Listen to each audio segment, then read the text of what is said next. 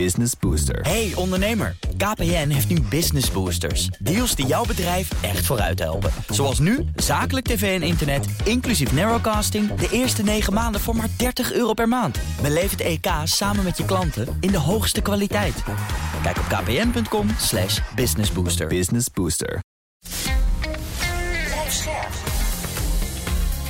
BNR Nieuwsradio. Europa. Bonsoir, goedenavond. Welkom bij BNR Europa, het programma over Europese zaken met blikken naar Brussel en ver daarbuiten. Mijn naam is Stefan de Vries en naast mij in de studio staat mijn interim collega Eurocommissaris Connor Klerks. Welkom, Connor. Yves, goedenavond. Uh, deze week gaan we het opnieuw hebben over Repower EU, het grote energieplan van de Europese Commissie. Ja, in maart werden al de eerste lijnen van Repower Power EU geschetst. Niet alleen moeten we zo snel mogelijk van het Russisch gas af, maar los daarvan staan we natuurlijk ook voor de groene energietransitie. En vandaag, woensdag, is dit beleidsplan gepresenteerd door de voorzitter van de Europese Commissie, Ursula von der Leyen. En hiermee lijkt de Commissie dus niet alleen, uh, ja, kijkt de Commissie niet alleen wat er gaat gebeuren, maar ook hoe het moet gaan gebeuren. Bijvoorbeeld door minder energie te gebruiken en vergunningen voor groene e energieprojecten sneller weg te geven. Opmerkelijk is wel dat er op elk publiek gebouw zonnepanelen moeten komen en dat het in totaal 300 miljard euro moet gaan kosten. Ja, we bespreken die plannen van de commissie met Tom Berends. Zij is Europarlementariër namens het CDA in de EVP-fractie. En ook met Mohamed Shahim, Europarlementariër voor de PvdA in de SND-fractie. Ze hebben beide energie in hun portefeuille en zullen ook gaan stemmen over deze voorstellen. Dus het lijkt me dat ze er allebei ook wel een mening over hebben. Ja, met hen gaan we kijken hoe werkbaar deze vandaag voorgestelde plannen daadwerkelijk zijn. Want wat is het belangrijkste? Is het realistisch? En misschien nog uh, veel belangrijker voor onze luisteraar. Wat gaat de Europeaan voelen van de uitvoering van het plan? Maar uh, voordat wij verder gaan, Stefan, ik begrijp dat ik mag gaan luisteren naar een nummer 1 hit uit een Europese lidstaat. Wordt het net als vorige week een hit uit het Eurovisie Songfestival? Nou, dat ga ik niet uh, verklappen nog, maar het is dit.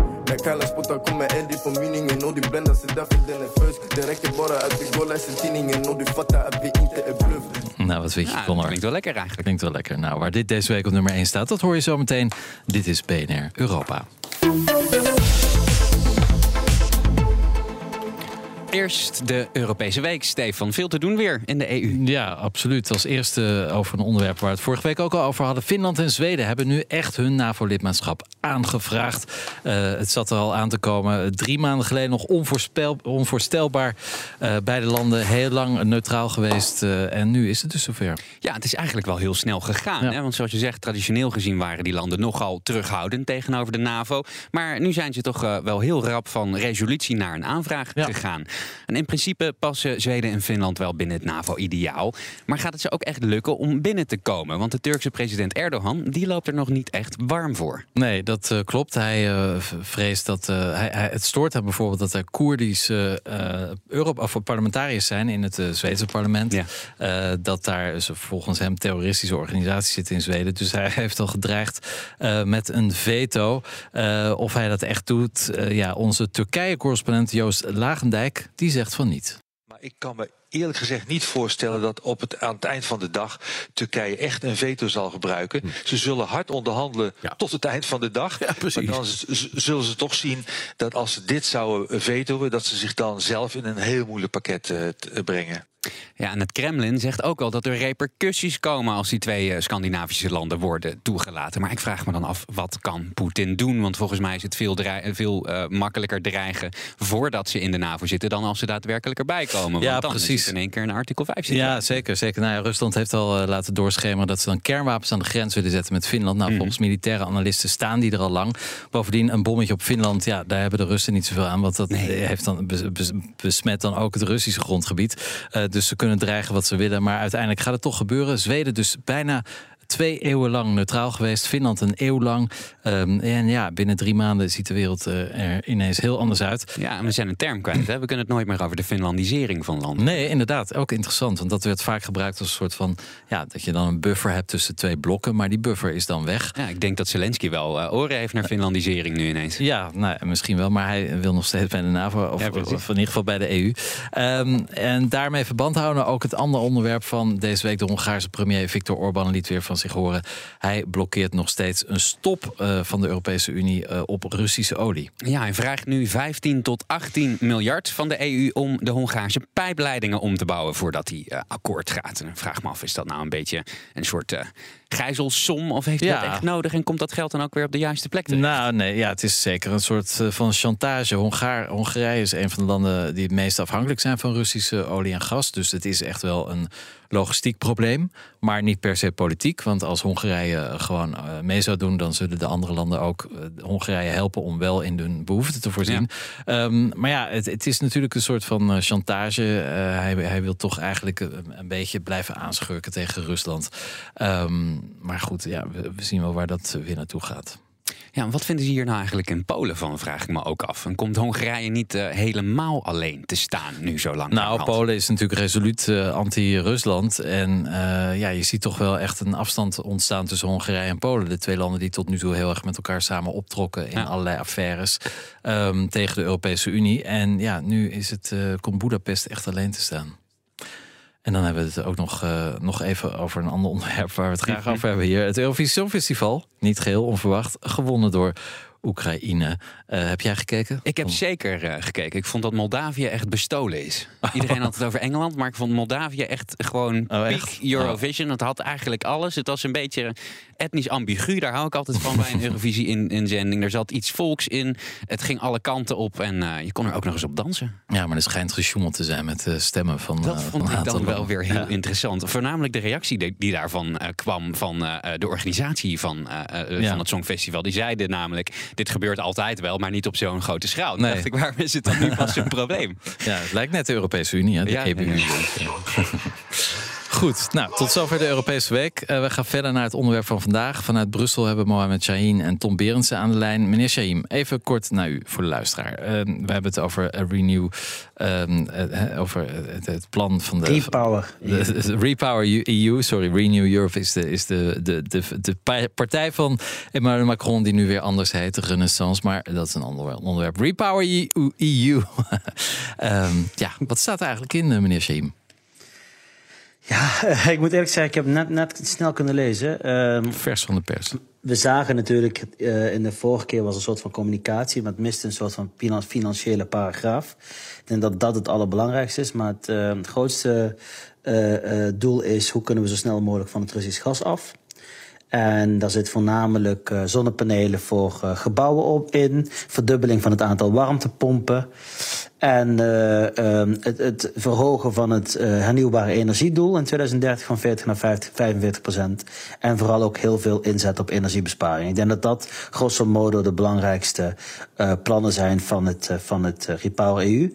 Het controversieel zal zijn de financiering van deze plannen. maar daar kunnen we het misschien later over ja. hebben. Um, wat vindt u er verder van, de financiering apart gezet? Nou ja, uh, ik denk dat het verstandig is dat wij uh, heel snel nadenken over hoe kunnen we onze autonomie op energiegebied uh, verbeteren. Er gaat 100 miljard ongeveer per jaar aan geld richting Rusland. Daar willen we vanaf. Ik denk dat we met dat geld, als we dat slim investeren, niet alleen onze autonomie kunnen vergroten, maar ook de energieprijs weer naar een normaal niveau kunnen brengen. En dat allebei heel erg belangrijk is. Ja, wat vindt u, Tom Berendsen van Repower EU? Nou, ik vind het ten eerste heel belangrijk dat het plan er is. Want uh, het is natuurlijk enorm urgent. We moeten zorgen dat we niet langer afhankelijk zijn van een partij die ons chanteert op dit moment. We mogen niet chantabel zijn. Um, en ik vind het ook goed omdat er is heel lang uh, in de afgelopen jaren aandacht geweest voor de duurzaamheid van, van onze energievoorziening. En, en belangrijk, hè, we moeten uh, overstappen op schone energie. Maar hier zie je ook een belangrijk element van uh, leveringszekerheid in zitten en betaalbaarheid. En dat zijn toch wel de drie pijlers waar ons energiesysteem op moet, gebouwd moet worden. Dus ik ben blij dat daar ook aandacht voor is. Ja, het gaat over 300 miljard euro in totaal tot 2030, waarvan 12 miljard naar het onderhouden van olie- en gaslijnen gaat. Dat is nog geen 100 euro per jaar per euro Europeaan. En Netflix is duurder. Is dat genoeg om ons draaiende te houden tot we helemaal over kunnen stappen, meneer Berendsen? Oeh, nou, dit is wel het element van het plan waar ik nog de meeste vraagtekens uh, bij heb. Uh, uh, omdat je, nou ja, normaal gezien krijgen we allerlei impact assessments en dat soort dingen. Waardoor de snelheid is dat natuurlijk niet te doen, dus dat begrijp ik ook wel. maar dat er heel veel geld nodig is om die enorme afhankelijkheid van Rusland af te bouwen, dat is duidelijk. en volgens mij is daarbij dan ook belangrijk dat we ervoor zorgen dat er geen andere afhankelijkheid voor in de plaats komt. Ja. En nou, niet dat we dan vervolgens afhankelijk worden van het Midden-Oosten of wat dan ook. U, u zegt heel veel geld. ik, ik zeg nog geen 100 euro per jaar per Europeaan. Dat, dat valt wel mee dan, toch? Eh, ja, maar uh, kijk, ondertussen hebben we natuurlijk een hele hoop lidstaten die ook veel geld investeren in de energietransitie. Um, waar natuurlijk ook veel geld naartoe gaat. Um, en ik ben nog wel benieuwd naar de cijfers die genoemd worden in het plan. Of dat dat geld er ook allemaal is. En of dat dat allemaal beschikbaar gaat komen. En daar zit toch wel een grote uitdaging. Denk Ja, Mohamed Shami, waar moet het geld vandaan komen? Zou ik nog iets mogen zeggen over, Want dit is voor mij een iets gevoeliger punt. Dat probeer ik nu te omzeilen natuurlijk. Hè. Maar uh, er hangt een enorme zwaard van. Er, er, hangt een enorme zwaard van Vladimir Poetin boven ons hoofd. Hè. Kijk, wij moeten nadenken over. Nee, we moeten een plan hebben om volledig onafhankelijk te zijn van Rusland. Wij kunnen niet wachten tot hij zelf de gaskraan dichtkraait. Mhm. En dat kan echt ieder moment. En dit plan is een realistisch alternatief op die afhankelijkheid op Rusland. En als we allemaal erin geloven, dan gaat het ook echt werkelijk realiteit worden. Ik, ik geloof er wel heilig in. Die financiering is complex. Waarom? Omdat een groot deel van de financiering komt door het verkopen van CO2-rechten, die nu eigenlijk op de, op de plank blijven liggen, in een soort van reserve zitten. Uh, dat betekent dat we dus voor een groot gedeelte deze plannen betalen ten koste van het klimaat. Ik wil daar wel in meegaan als we dus resoluut nadenken over: oké, dat geld gaan we echt snel, versneld vergroenen. En dat betekent dat je in het begin iets meer CO2 gaat uitstoten, dat je over moet naar andere vormen van gas, LNG. LNG heeft een grotere CO2-voetafdruk dan normaal gas, dat is zeg maar vloeibaar gas. Uh, een deeltje biomassa, et cetera, et cetera. Maar dat betekent wel dat die rekening ben ik bereid te betalen als we betekent dat we de sneller gaan vergroenen en onze ambities uh, gaan vergroten. En het is de partij van bijvoorbeeld Ton die wel heel veel moeite heeft met een doel als de energieefficiëntie van 9 naar 13 procent verhogen. Of de hernieuwbare energie van 40 naar 45 procent krijgen. Dat is wel belangrijk dat we daar dan met elkaar snel eens zijn. Maar wat is nu eigenlijk de, belangrijkste doel op, op dit moment? Eh, van Poetin af of de groene transitie? Van Poetin af. En dat kan op de lange, middellange termijn ook betekenen dat we versneld gaan vergroenen. Kijk, een windmolenpark heb je niet in een dag gebouwd. Laten we daar gewoon eerlijk over zijn. En op wat voor tijdspannen gaat dit eigenlijk allemaal gebeuren? Want er wordt nu heel erg haast gemaakt, maar eh, volgens mij is het niet uh, over een half jaar geregeld allemaal, toch? Nou, wat we willen is binnen dit jaar nog minimaal twee derde gas uh, imports verminderen vanuit Rusland. En dan een aantal jaar, hoe minder hoe beter, maar uiterlijk, geloof zes jaar daarna, volledig van het Russisch gas hmm. af zijn. Maar dan zitten we nog met een derde voor het einde van het jaar dat we uit Moskou moeten halen. wat als Poetin wel de gaskraan dichtdraait? Ja, dan, dan moeten we dat risico, daar moeten we helaas wel ons op voorbereiden. Dit plan zou daar een uh, onderdeel van kunnen zijn. Maar uh, ja, dan wordt het, dan wordt het echt een plan hebben of, op wat je moet gaan afschalen.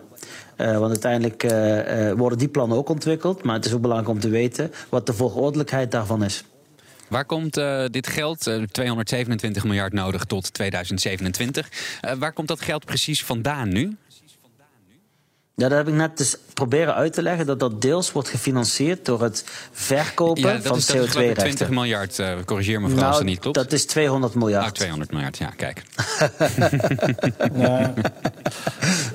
Als ik daar iets sorry, nee, excuses, dat is 20 miljard. Excuses, nee, nee, nee, sorry, excuses. Ik haal die dingen door elkaar. Dat is 20 miljard. Excuses. Dat is dan maar een, een klein deel, toch? Excuses, dan hebben we nog Connor heeft zijn miljarden op. Best, wel, best wel wat over. En de rest zijn gezamenlijke leningen, die, die net als ja, een verlenging van de RFF. Maar ik, sorry, ik blijf toch nog even hameren op het tijdsbestek. Want we hebben het over een paar weken eigenlijk. Want uh, de gaskraan dichtdraaien voor de winter, daar hebben we het over misschien een week of 16, 17. Dan is het zover. Dan zitten we zonder Russisch gas. Als Poetin er zijn zin krijgt. Is dit realistisch? 16, 17 weken.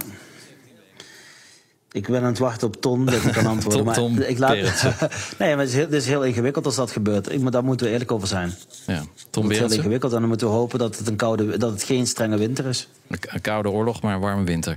Uh, meneer Berends, hoe ziet u dat? Ja, nee, het, het, het, is natuurlijk ontzettend complex. De opgave die voor ons ligt is enorm groot. Helaas zagen we al wel een aantal jaar aankomen, want we hebben natuurlijk al vaker gezegd we zijn afhankelijk van Rusland. Ik denk met name op korte termijn richting de winter is het gewoon ontzettend belangrijk. eigenlijk twee dingen. Eén, om onze gasvoorraden op peil te krijgen. dat is met de huidige prijzen heel lastig. Maar nou ja, door de marktmacht van Europa te bundelen wat meer gezamenlijk in te gaan kopen en het bedrijfsleven wat dieper in de ogen te kijken dat ze daarbij moeten dragen. Uh, denk ik dat we een eind kunnen komen. Maar die, die gasvoorraden die zijn gewoon belangrijk voor de komende winter. Ja, en de tweede is die energie-efficiëntie. Uh, en, en ik vind wel dat de Europese Commissie daar een stap zet. Kijk, ik denk dat heel veel mensen ook wel bereid zijn om nou ja, niet alleen naar de overheid te kijken van los het voor ons op, maar ook zelf een steentje bij te dragen. En wat ik wel gemist heb in de afgelopen maanden is, is een hele duidelijke campagne. Wat kun je zelf doen en wat draagt dat bij? En de commissie is in ieder geval voornemens om de Play Your Part campagne, hebben ze die dan weer heel mooi genoemd. Uh, maar die zie ik maar als uh, draag een steentje bij campagne.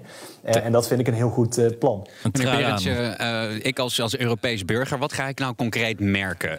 krijg ik bijvoorbeeld meer windmolens in, mijn, in mijn uitzicht, zonnepanelen op mijn dak, warmtepomp in mijn huis? Wat, wat verandert er voor mij? Um, ik, uh, ja, onze, onze, onze huishoudens gaan veranderen de komende jaren. Zo simpel is het. Hè. Dus veel huishoudens zitten nog op gas en, en, dat gaat veranderen. Daar is Nederland natuurlijk ook mee bezig. Um, ja, meer windmolens. Uh, kijk, daar zit natuurlijk wel een uitdaging. Uh, wat, wat, waar ik in geloof en waarom ik denk dat de Europese samenwerking nodig is, is dat we echt nou eens met al die lidstaten samen gaan kijken hoe gaan we die energie van de toekomst produceren en waar kan dat op welke manier het beste. En als ze daar dan uit zijn, zorgen we ook voor goede verbindingen tussen landen onderling. En er moet echt een Europees energiesysteem komen. Lokaal opwekken wat mogelijk is. Maar uh, nou ja, wind, windmolens, wind op zee, op de Noordzee, uh, veel zon in het, uh, in het zuiden. Uh, kernenergie, de landen die dat willen. Hoogteverschillen in Oostenrijk, in de Pyreneeën en de Alpen. er zijn zat mogelijkheden. Uh, maar daar moeten we wel echt met een Europese bril naar kijken. En ik denk dat dat in het verleden nog, uh, nog te weinig is gedaan. Ja, maar wat is nou precies eigenlijk uw rol als parlement? Want de, de commissie stelt voor, dan uiteindelijk de lidstaten voeren uit. Uh, heel veel ja. samenhang is er niet, heb ik het idee. Ieder doet nog maar wat voor zich. wat is uw rol in, in, dit, in deze? Ja, zoals ik uh, het begrepen heb, dit is uh, één plan dat gepresenteerd is, maar gaat uiteenvallen in allerlei uh, voorstellen, concrete voorstellen. Ja, en die komen natuurlijk naar het parlement toe. En dat betekent dat wij ernaar gaan kijken, dat wij er ongetwijfeld met z'n allen over gaan discussiëren. Maar waarbij ik echt hoop dat we daar snelheid achter kunnen zetten. Want ja, als we dit nog een half jaar gaan uitstellen, dan kun je de ambities helemaal gedag zeggen als het gaat om snel minder afhankelijk te worden van Rusland. Ja, Mohamed Shamin? Ja, ik denk dat ik me daar gewoon volledig bij wil aansluiten. Dus dit plan, daar komen een aantal voorstellen uh, uh, uit die richting het parlement gaan. En wij zullen dat beantwoorden. Kijk, Tom heeft wel een, een, een goed punt. Hè. Het gaat om de. Die, we hebben heel veel kansen in Europa om onafhankelijk te worden van het buitenland. Of minder afhankelijk te worden van het buitenland als het gaat om energie. Maar dan moeten we veel beter met elkaar verbonden zijn dan we nu zijn als het gaat om energie. Ik bedoel, dat noemen ze interconnectiviteit. Die is ja. gewoon niet goed tussen de Europese landen. En daardoor kunnen we nu niet doorzetten. Daardoor dreigt Hongarije met meer eis of met een veto. Omdat ze eigenlijk bijna geen mogelijkheid hebben om onafhankelijk te worden van Russisch olie. En dat is iets waar we echt weer terug voor, moeten naar de tekentafel. Hoe kunnen we dat nou verbeteren? Want is het niet vandaag dat Rusland gaat dreigen met een, met een boycott, dan is het misschien wel morgen. Ja, letterlijk, waarschijnlijk. Maar uh, Europese interconnectiviteit. Uh, ik las deze week een verhaal dat Nederland is nu uh, kampioen, Europees kampioen zonne-energie. maar heel veel mensen met zonnepanelen op hun dak kunnen er eigenlijk niks mee, omdat het de wijk niet uitkomt. Het, het, het, stokt bij de, bij de wijkcentrales. Dus daar hebben we het over lokaal niveau. Maar hoe kunnen we dan ook nog op, op, op Europees niveau um, zorgen dat we beter op elkaar aangesloten zijn, terwijl het lokaal nog niet eens goed werkt? Ja, er zijn dus ja, al heel veel plannen. Infrastructuur. Over. Sorry. Tom Berendsen. Ja, de infrastructuur is alles. Kijk, dit, dit is een dossier. Uh, wij doen heel veel werk wat nooit uh, echt in, in beeld komt. Uh, dit gaat over trans-Europese energienetwerken. En ik mocht daar over onderhandelen de laatste, laatste maanden. Maar dat ja. gaat om hoe, hoe verbind je netwerken. Infrastructuur is alles in de energietransitie. En dat betekent dat wij vroeger nadachten over waar moeten de pijpleidingen komen te liggen. Daar denken we in de toekomst nog steeds over na, want die kunnen ook in, uh, voor waterstof gebruikt gaan worden. Maar ook elektriciteitsleidingen, uh, waterstofprojecten, uh, CO2-afvang en opslag.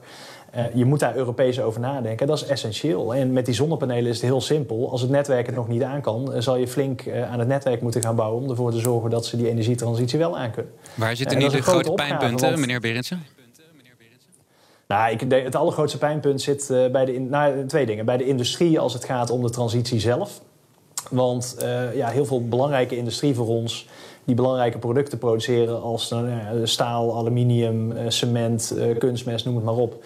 Daar heb je niet 1, 2, 3 een schoon alternatief voor. Die kunnen niet 1, 2, 3 elektrificeren. Dus dat betekent dat er echt nog aan de technologie ook gesleuteld moet worden. En het tweede, het grote zorgpunt, is natuurlijk uh, hoe staat het met, uh, met de gezinnen en het midden- en kleinbedrijf wat uit de crisis net uh, komt. Want de energieprijzen zijn natuurlijk een enorme zorg. Ja. Um, dat was al aan de gang. Dat heeft ook deels te maken met, de met de transitie. maar ook met, met de marktsituatie. Ja, en nu met de afhankelijkheid van Rusland en, en de onzekerheden op de markt. Ja, is dat natuurlijk een, een groot zorgpunt. En daar moeten we wel echt oog voor blijven houden.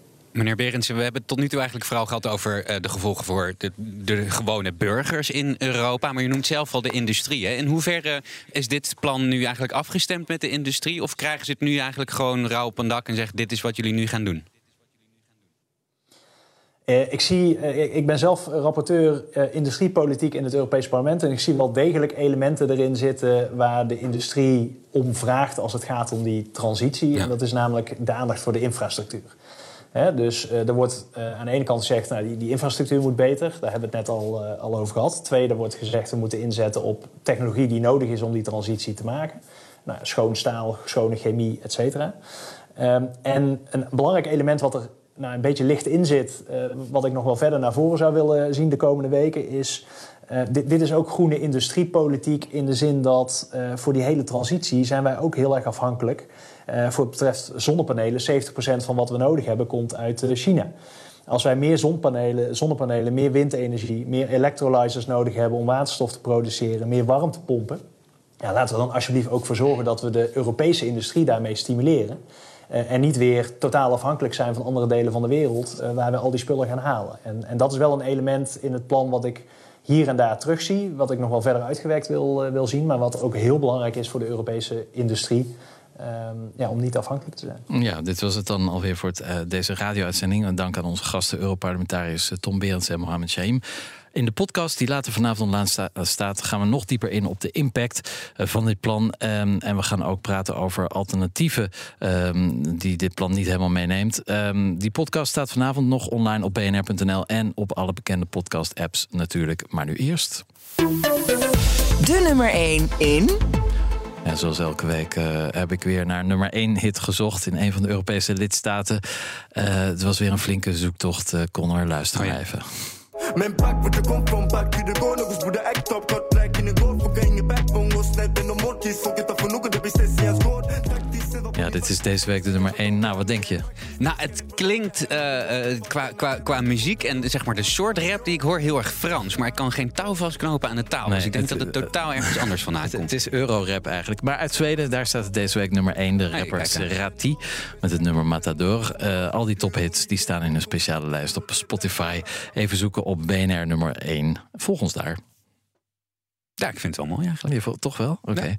Nou, reacties op dit programma zijn welkom per mail op europa.bnr.nl of via Twitter op BNR Europa. Voor nu dank voor het luisteren. Volgende week zijn we weer dan live op woensdagavond 7 uur hier bij BNR. Tot dan. Slang lief. À la prochaine.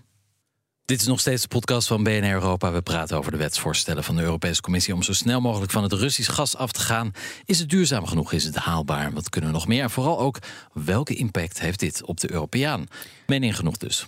Ja, en de EU heeft naast dit plan ook natuurlijk nog Fit for 55 lopen. Meneer Shahim, is dit niet eigenlijk een soort Fit for 30 of hoe moet ik dat zien? Iemand, volgens mij noemde een collega van mij het een soort van Fit for 55 on steroids. Als je gaat kijken naar uh, het verhogen van de duurzaamheidsdoelen, uh, het deel duurzame, duurzame energie van 40 naar 45 procent, het verhogen van energieefficiëntie. Uh, er staat echt een bizarre hoeveelheid waterstof in het Repower EU in. Ik ben daar heel enthousiast over dat deel. Dus goed dat er veel aandacht is voor klimaat. En ja, de twee zijn natuurlijk enorm met elkaar verweven. Ja, Tom Berendsen. fit for 30? Wat is de vraag? nou, is, het, is het een soort fit for 30? Of hoe, hoe past dit in het Fit for 55-plan? Het grotere plan van de Europese Commissie om de energietransitie uh, door te voeren in Europa? Ik, ik zie dit uh, echt vooral als een plan uh, zo snel mogelijk uh, onafhankelijk van Rusland worden. Waarbij je ook weet dat wij van alles kunnen willen, maar Poetin zijn hand aan de andere kant van de leiding ook op de gaskraan kan zetten. En dan hebben we een groot probleem. Dus daar, daar zie ik het, in, in die context zie ik het echt. en dat in wat we op dat gebied allemaal gaan doen, dat we rekening houden met dat we ook een energietransitie doorgaan, dat vind ik heel verstandig. Een kleine 12 miljard wordt geïnvesteerd in fossiele brandstoffen. Uh, jullie collega Bas Eickhout, Europarlementariër in de Groene fractie namens GroenLinks, zegt dat deze investering ons weer een stap verder verwijdert van het behalen van die klimaatdoelen. Heeft hij gelijk of uh, is dit een noodzakelijk kwaad wat we nu maar even voor lief moeten nemen, meneer Shaheen? Ja, ik snap zijn punt, maar tegelijkertijd moet je ook realistisch zijn dat je die grote hoeveelheid gas, waar je nu afhankelijk bent van Rusland om die te importeren, die gebruikt wordt in onze industrie, die niet morgen kan elektrificeren, dat als je daar vanaf wil, dat je dus een andere fossiele eh, bron nodig hebt om, hen, eh, te, om dat te vervangen. Dus ja, het is een noodzakelijk kwaad. We moeten Um, uh, LNG bijvoorbeeld als alternatief gebruiken voor gas. Nou, LNG dat heeft een grotere CO2-voetafdruk dan normaal gas. Waarom? Je moet het transporteren, je moet het comprimeren, et cetera, et cetera. Dus uh, ik snap het wel, maar ik denk niet dat we een alternatief hebben op korte termijn. Nee. En uh, ja, dan hebben we ook nog behalve fossiele brandstoffen, bijvoorbeeld kernenergie. Frankrijk zit gra graag op in. Uh, Duitsland vindt dat dan weer wat minder een goed idee. Uh, staat er iets in over kernenergie in dit plan? Top Berendsen? Ja, weliswaar in een heel klein bijzinnetje. uh, maar er wordt, uh, er wordt ergens uh, genoemd, zag ik. Ik heb het diagonaal doorgelezen, hè. het is vanmiddag uitgekomen. Ja. maar dat zeker ook in de waterstofproductie er ook weer gekeken wordt naar hoe zou je kernenergie daarin kunnen zetten. in kunnen zetten. Dus ik denk, denk, dat dat op zich verstandig is op het moment dat dat, dat, dat mogelijk is. En de tweede was niet zozeer in het plan, uh, maar wel in de uitspraken die de Eurocommissaris Industrie vandaag gedaan heeft rond dit plan, uh, commissaris Breton. Ehm, die ook aangaf dat we op het gebied van kernenergie Europees meer moeten gaan samenwerken. Ik denk dat het heel verstandig is. En hij noemde zelfs kleine modulaire, kleine modulaire kerncentrales. En daar pleiten wij als CDA al een tijdje voor. Ga daar nou uh, je aandacht op vestigen en werk daar ook Europees samen, zodat je het betaalbaarder maakt en de bouwtijd ook eh, korter maakt. Dus daar ben ik op zich heel tevreden mee. Waarbij ik wel even wil aantekenen dat Thierry Breton natuurlijk eh, daar naar voren is geschoven dankzij zijn baasje Emmanuel Macron. En Frankrijk wil natuurlijk heel graag al die uh, kleine reactoren gaan verkopen in de Europese Unie. Dus hij, ook Thierry Breton, heeft natuurlijk een, niet alleen een politieke agenda, maar een, ook een, eigenlijk een nationale agenda. Uh, maar dit terzijde. Uh, maar op korte termijn. Ja, maar ik, ik heb ja. ook veel liever, ik heb veel liever dat wij, als ze gebouwd worden, dat Frankrijk ze bouwt, dan dat wij Chinese kennis in huis moeten halen voor kernenergie. En kernenergie gaan we gewoon nodig hebben. Dus wat dat betreft, okay. dat Franse belang, dat zie ik. Ja. Maar het hoeft niet per se negatief te zijn. Nee, alleen Frankrijk kan niet echt kernreactoren bouwen, want alles wat ze bouwen uh, wordt drie keer zo duur als begroot. En, en duurt tientallen jaren langer dan gepland. Dus ik weet niet of Daarom het goed verstandig dat we Europees uh, gaan samenwerken en een beetje gaan meekijken. Heel, heel goed. Maar Mohamed ja. Kernenergie, nou ja, is dat een optie of niet? Nou ja, kijk, onderhoud van bestaande kerncentrales lijkt me verstandig. Uh, oppassen met versneld afbouwen lijkt me ook verstandig. Nieuwe capaciteit. Uh, daar moet echt uh, een goede analyse op komen. Kijk, die, die kleine modulaire reactoren. Uh, nou, het is een mooi verhaal. Ik zie ze niet uh, macht klaar voor 2035. En dan nog vraag ik me af of het verstandig is om, laten we zeggen, in Nederland 200 kleine kernreactortjes te hebben. Of, uh, of borstelen uitbreiden. Ik denk dat voor het eerste nog minder draagvlak is dan voor het tweede.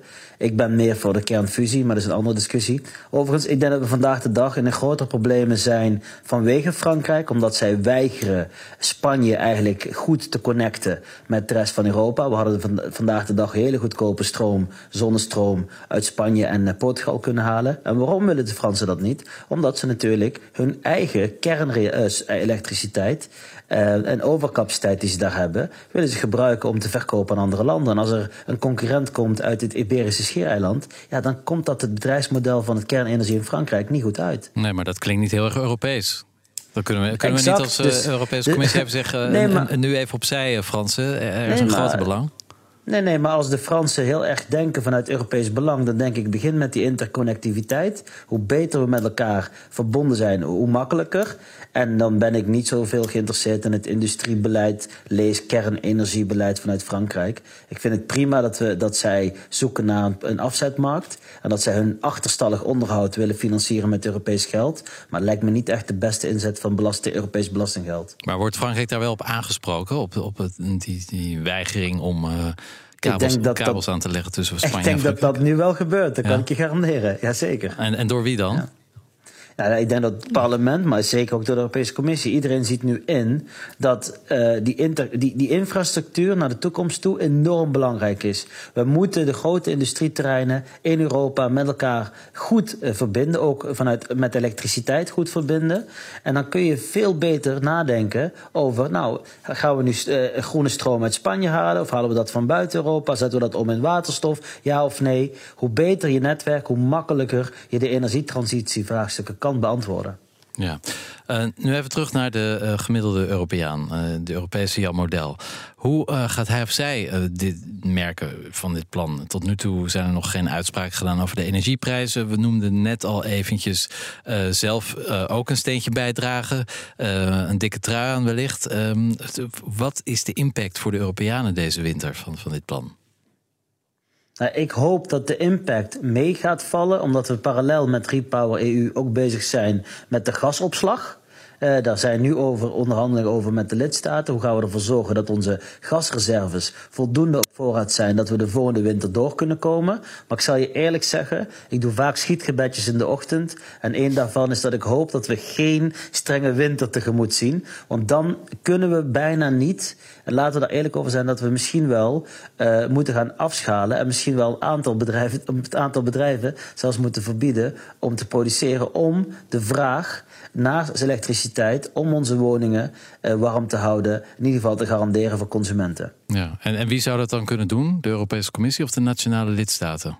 Volgens mij zijn er op lidstaatniveau plannen, ook afschaalplannen en afsluitplannen, met een bepaalde hiërarchie. En achteraan, dus het enige wat ik weet, achteraan als allerlaatste zijn het gewone mensen, mensen in woningen die worden afgesloten van het netwerk. Dat is het allerlaatste wat we gaan doen. Uh, en ik ga ervan uit met het plan wat we nu maken en met het gasopslagstrategie waar we nu mee bezig zijn, dat we de komende winter gewoon tegemoet kunnen. Als die bedrijven nou uh, door welke overheid dan ook worden gedwongen om te stoppen met produceren, kan ik me zo voorstellen dat dat binnen Europa ook niet evenredig verdeeld gaat zijn. De, hoe, hoe, hoe zit het met die balans ongeveer? Oeh, dat is een ingewikkelde vraag. Het is volgens mij, de plannen zijn op lidstaatniveau, zover ik weet. Maar misschien uh, kan jij me helpen, Tom. Volgens mij het zijn, zijn die afschaalplannen op, op, uh, of afsluitplannen op lidstaatniveau georganiseerd. Omdat in principe energie ook een lidstaatbevoegdheid is. Uh, en wat dan de consequenties daarvan uh, zijn, of de verhoudingen ten opzichte van andere landen, daar, daar kan ik niet op antwoorden. Wat ik wel weet, is dat we er alles aan doen om voldoende gas op voorraad te hebben, dat we, dat, dat we, dat we die scenario nooit hoeven uit te voeren. Tom Berendsen, weet u meer daarover toevallig? Uh, nee, ik vind, het, ik vind het een hele goede vraag. Uh, maar ik, ik vind uh, met name dat we echt alles aan moeten doen om dat te voorkomen. Ja. Uh, want het gaat natuurlijk niet alleen om, om, om of dat zo'n bedrijf dan nog wel of geen energie afneemt. Maar zo'n bedrijf produceert natuurlijk ook nog van alles.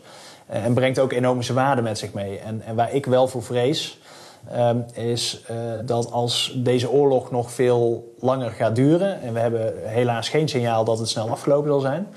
Um, ja, de beste manier van de Europese Unie om, om Oekraïne ook te steunen is onze economische krachten in te zetten.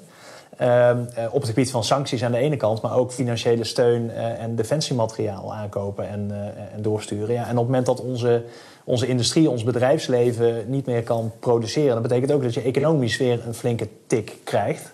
Dus uh, natuurlijk altijd liever eerst het bedrijfsleven afschakelen en pas helemaal aan het eind huishoudens. Uh, daar, daar zou ik helemaal niets aan willen veranderen. Maar laten we alsjeblieft proberen te voorkomen dat dat, dat, dat gebeurt. Ja, en nu suggereerde Frans Timmermans dat een deel van het geld misschien zou kunnen komen uit het corona-herstelfonds. Een enorme pot met geld uh, die na de pandemie uh, is opgericht. Um, is dat nog een, manier om, om dit te financieren? Is dat misschien ook een, een, potje waaruit eventuele economische schade vergoed zou kunnen worden als er inderdaad bedrijven hun activiteiten moeten gaan terugschalen omdat er geen gas meer is?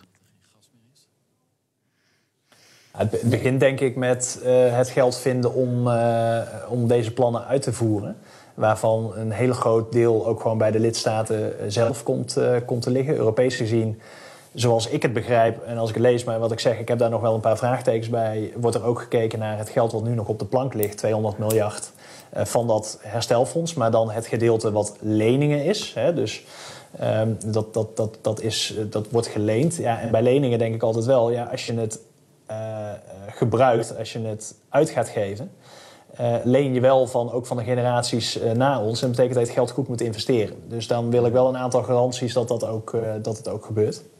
Ja, um, mag dat wel? En het, tweede, mag, nog eentje voor, maakt de financiering af. Het, het, tweede is dat er ook gekeken wordt naar bestaande budgetten, bijvoorbeeld de cohesiefonds. Um, en ik denk dat het ook heel verstandig is om te kijken. Ja, we, we, weten dat dit nu echt een van de prioriteiten is. En laten we in Europa ook met z'n allen in de ogen aankijken en zeggen: dit is een van de grote prioriteiten. Laten we zoveel mogelijk geld wat we op dit moment uh, aan allerlei andere dingen uitgeven, ook richten op de prioriteiten. En dat is de energietransitie. En ik denk dat daar ook nog wel het een en ander te halen valt. Meneer Sheen. Ja, kijk, we hebben het over een plan wat ongeveer tussen de 200 en 300, ongeveer 300 miljard gaat kosten tot aan 2030. Hè? Ja. Wij betalen met elkaar per dag honderden miljoenen. Uh, ja, niet naar de persoonlijke rekening van Poetin, maar het zit er niet te ver vandaan. We hebben het over 100 miljard per jaar. Hè? Ja. Dat geld gaat dan niet meer naar Rusland. Dat kan blijven, dat kan gewoon geïnvesteerd worden in Europa. Dat kan gewoon uitgegeven worden in Europa. Ik denk alleen dit argument is er van strategisch belang. Uh, om in ieder geval in te zien dat ja, het kost veel geld. Maar we geven vandaag de dag heel veel geld uit. En dat komt in de potjes van de verkeerde mensen terecht. Maar als we, we 100 wel... miljard per jaar, hè, dat ja. bedrag dat maken we dan inderdaad over naar Rusland. En daar ja. kun je prima iets van vinden. Maar daar krijgen we dan ook energie voor terug. Het is niet zo alsof dat, alsof dat een schenking is. En dat we straks, als we van iemand anders energie af gaan nemen, dat, dat, dat er geen geld meer kost, toch? Nee, maar als we investeren in zonnepanelen, als we investeren in water, warmtepompen, als we investeren in energie-efficiëntie dan is dat ook geld wat gaat naar of direct energieopwekking of naar het, af, of het beter omgaan van, met de energie die we nu hebben. Dus dat is ook geld waar we iets voor terugkrijgen. Hmm. Het is niet zo dat we 300 miljard uit gaan geven, dat we geen idee hebben wat we daarmee gaan doen. We willen juist die energie die we uit Rusland halen, daar willen we vanaf. En met die 300 miljard gaan we deels ook andere uh, uh, energiebronnen aanboren. En uh, ja, die 100 miljard bespaard gaat dus indirect weer terug naar Europa. En dat lijkt me een heel slim, uh, slim besluit. Ja, nu is het plan uh, vandaag, als we dit opnemen, woensdag gepresenteerd. Het Repower EU-plan. Wat zijn de volgende stappen, Tom Berendsen? De volgende stappen is, zijn dat, uh, dat dit voorstel uh, gaat uh, een beetje uit elkaar vallen in verschillende voorstellen, maar gaat naar het Europese parlement toe en, en gaat naar de lidstaten toe. Um, en dan gaan we ermee aan de slag. Daar, daar, komt het eigenlijk op neer. En sommige stukjes zullen strategieën zijn. Um, sommige stukjes zullen ook wetgeving zijn. Aanpassing van wetgeving. Soms van dossiers die al lopen. Bijvoorbeeld trans-Europese energienetwerken. Bijvoorbeeld de Renewable Energy, de, de hernieuwbare energierichtlijn. Um, dus het gaat in allerlei puzzelstukjes uiteenvallen. En uh, ja, mijn, mijn belangrijkste oproep is toch wel, uh, laten we hier vooral vaart achter, uh, achter zetten. En dat geldt zowel voor de lidstaten als uh, voor het Europees parlement. Ja, want over anderhalve maand gaan de meeste parlementen met zomerreces. Dan is er kostbare tijd, gaat alweer verloren. Is, is dat haalbaar voor die tijd om, om grote stappen te zetten? Nou, ik, ik, denk dat het haalbaar is om, zeker op, op lidstaatniveau, bij de Raad ook echt steun te krijgen voor dit plan. Uh, en als je daar steun hebt, dan komen we in het Europees Parlement komen er wel uit om, om die wetgeving ook goed te keuren. Ik, ik, denk dat dat het belangrijkste is. De intentie, is dit het plan waar we met z'n allen achter gaan staan? als dat ja is, dan moeten we het gewoon van alle kanten zo snel mogelijk gaan steunen en zorgen dat we het gaan uitvoeren. Meneer Shahim, wat verwacht u? Gaat het makkelijk qua lidstaten goed komen? Nou, makkelijk zal het niet gaan, maar tegelijkertijd is dit, dit is wel het moment waar we bijna. We zijn, het is lang geleden dat we zo verenigd waren. Um, we zien de grote problemen die ontstaan zijn door de grote afhankelijkheid van Rusland. Ik denk hoe we omgaan met de afhankelijkheid van Russische olie door Hongarije zal cruciaal zijn. Of dit snel door de Raad zal worden geleid of niet. En ik heb, ik heb wel, wel positief gestemd. Ik denk dat, dat er eigenlijk gewoon ook geen alternatief is nu uh, voor die grote onafhankelijkheid om die te verminderen.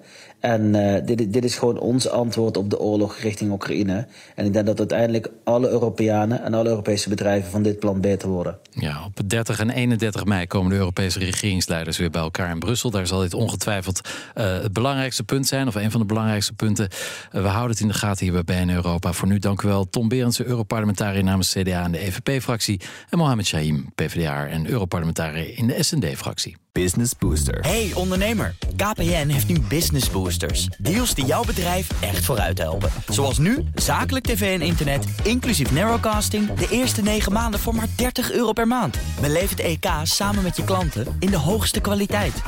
Kijk op kpn.com businessbooster. Business Booster.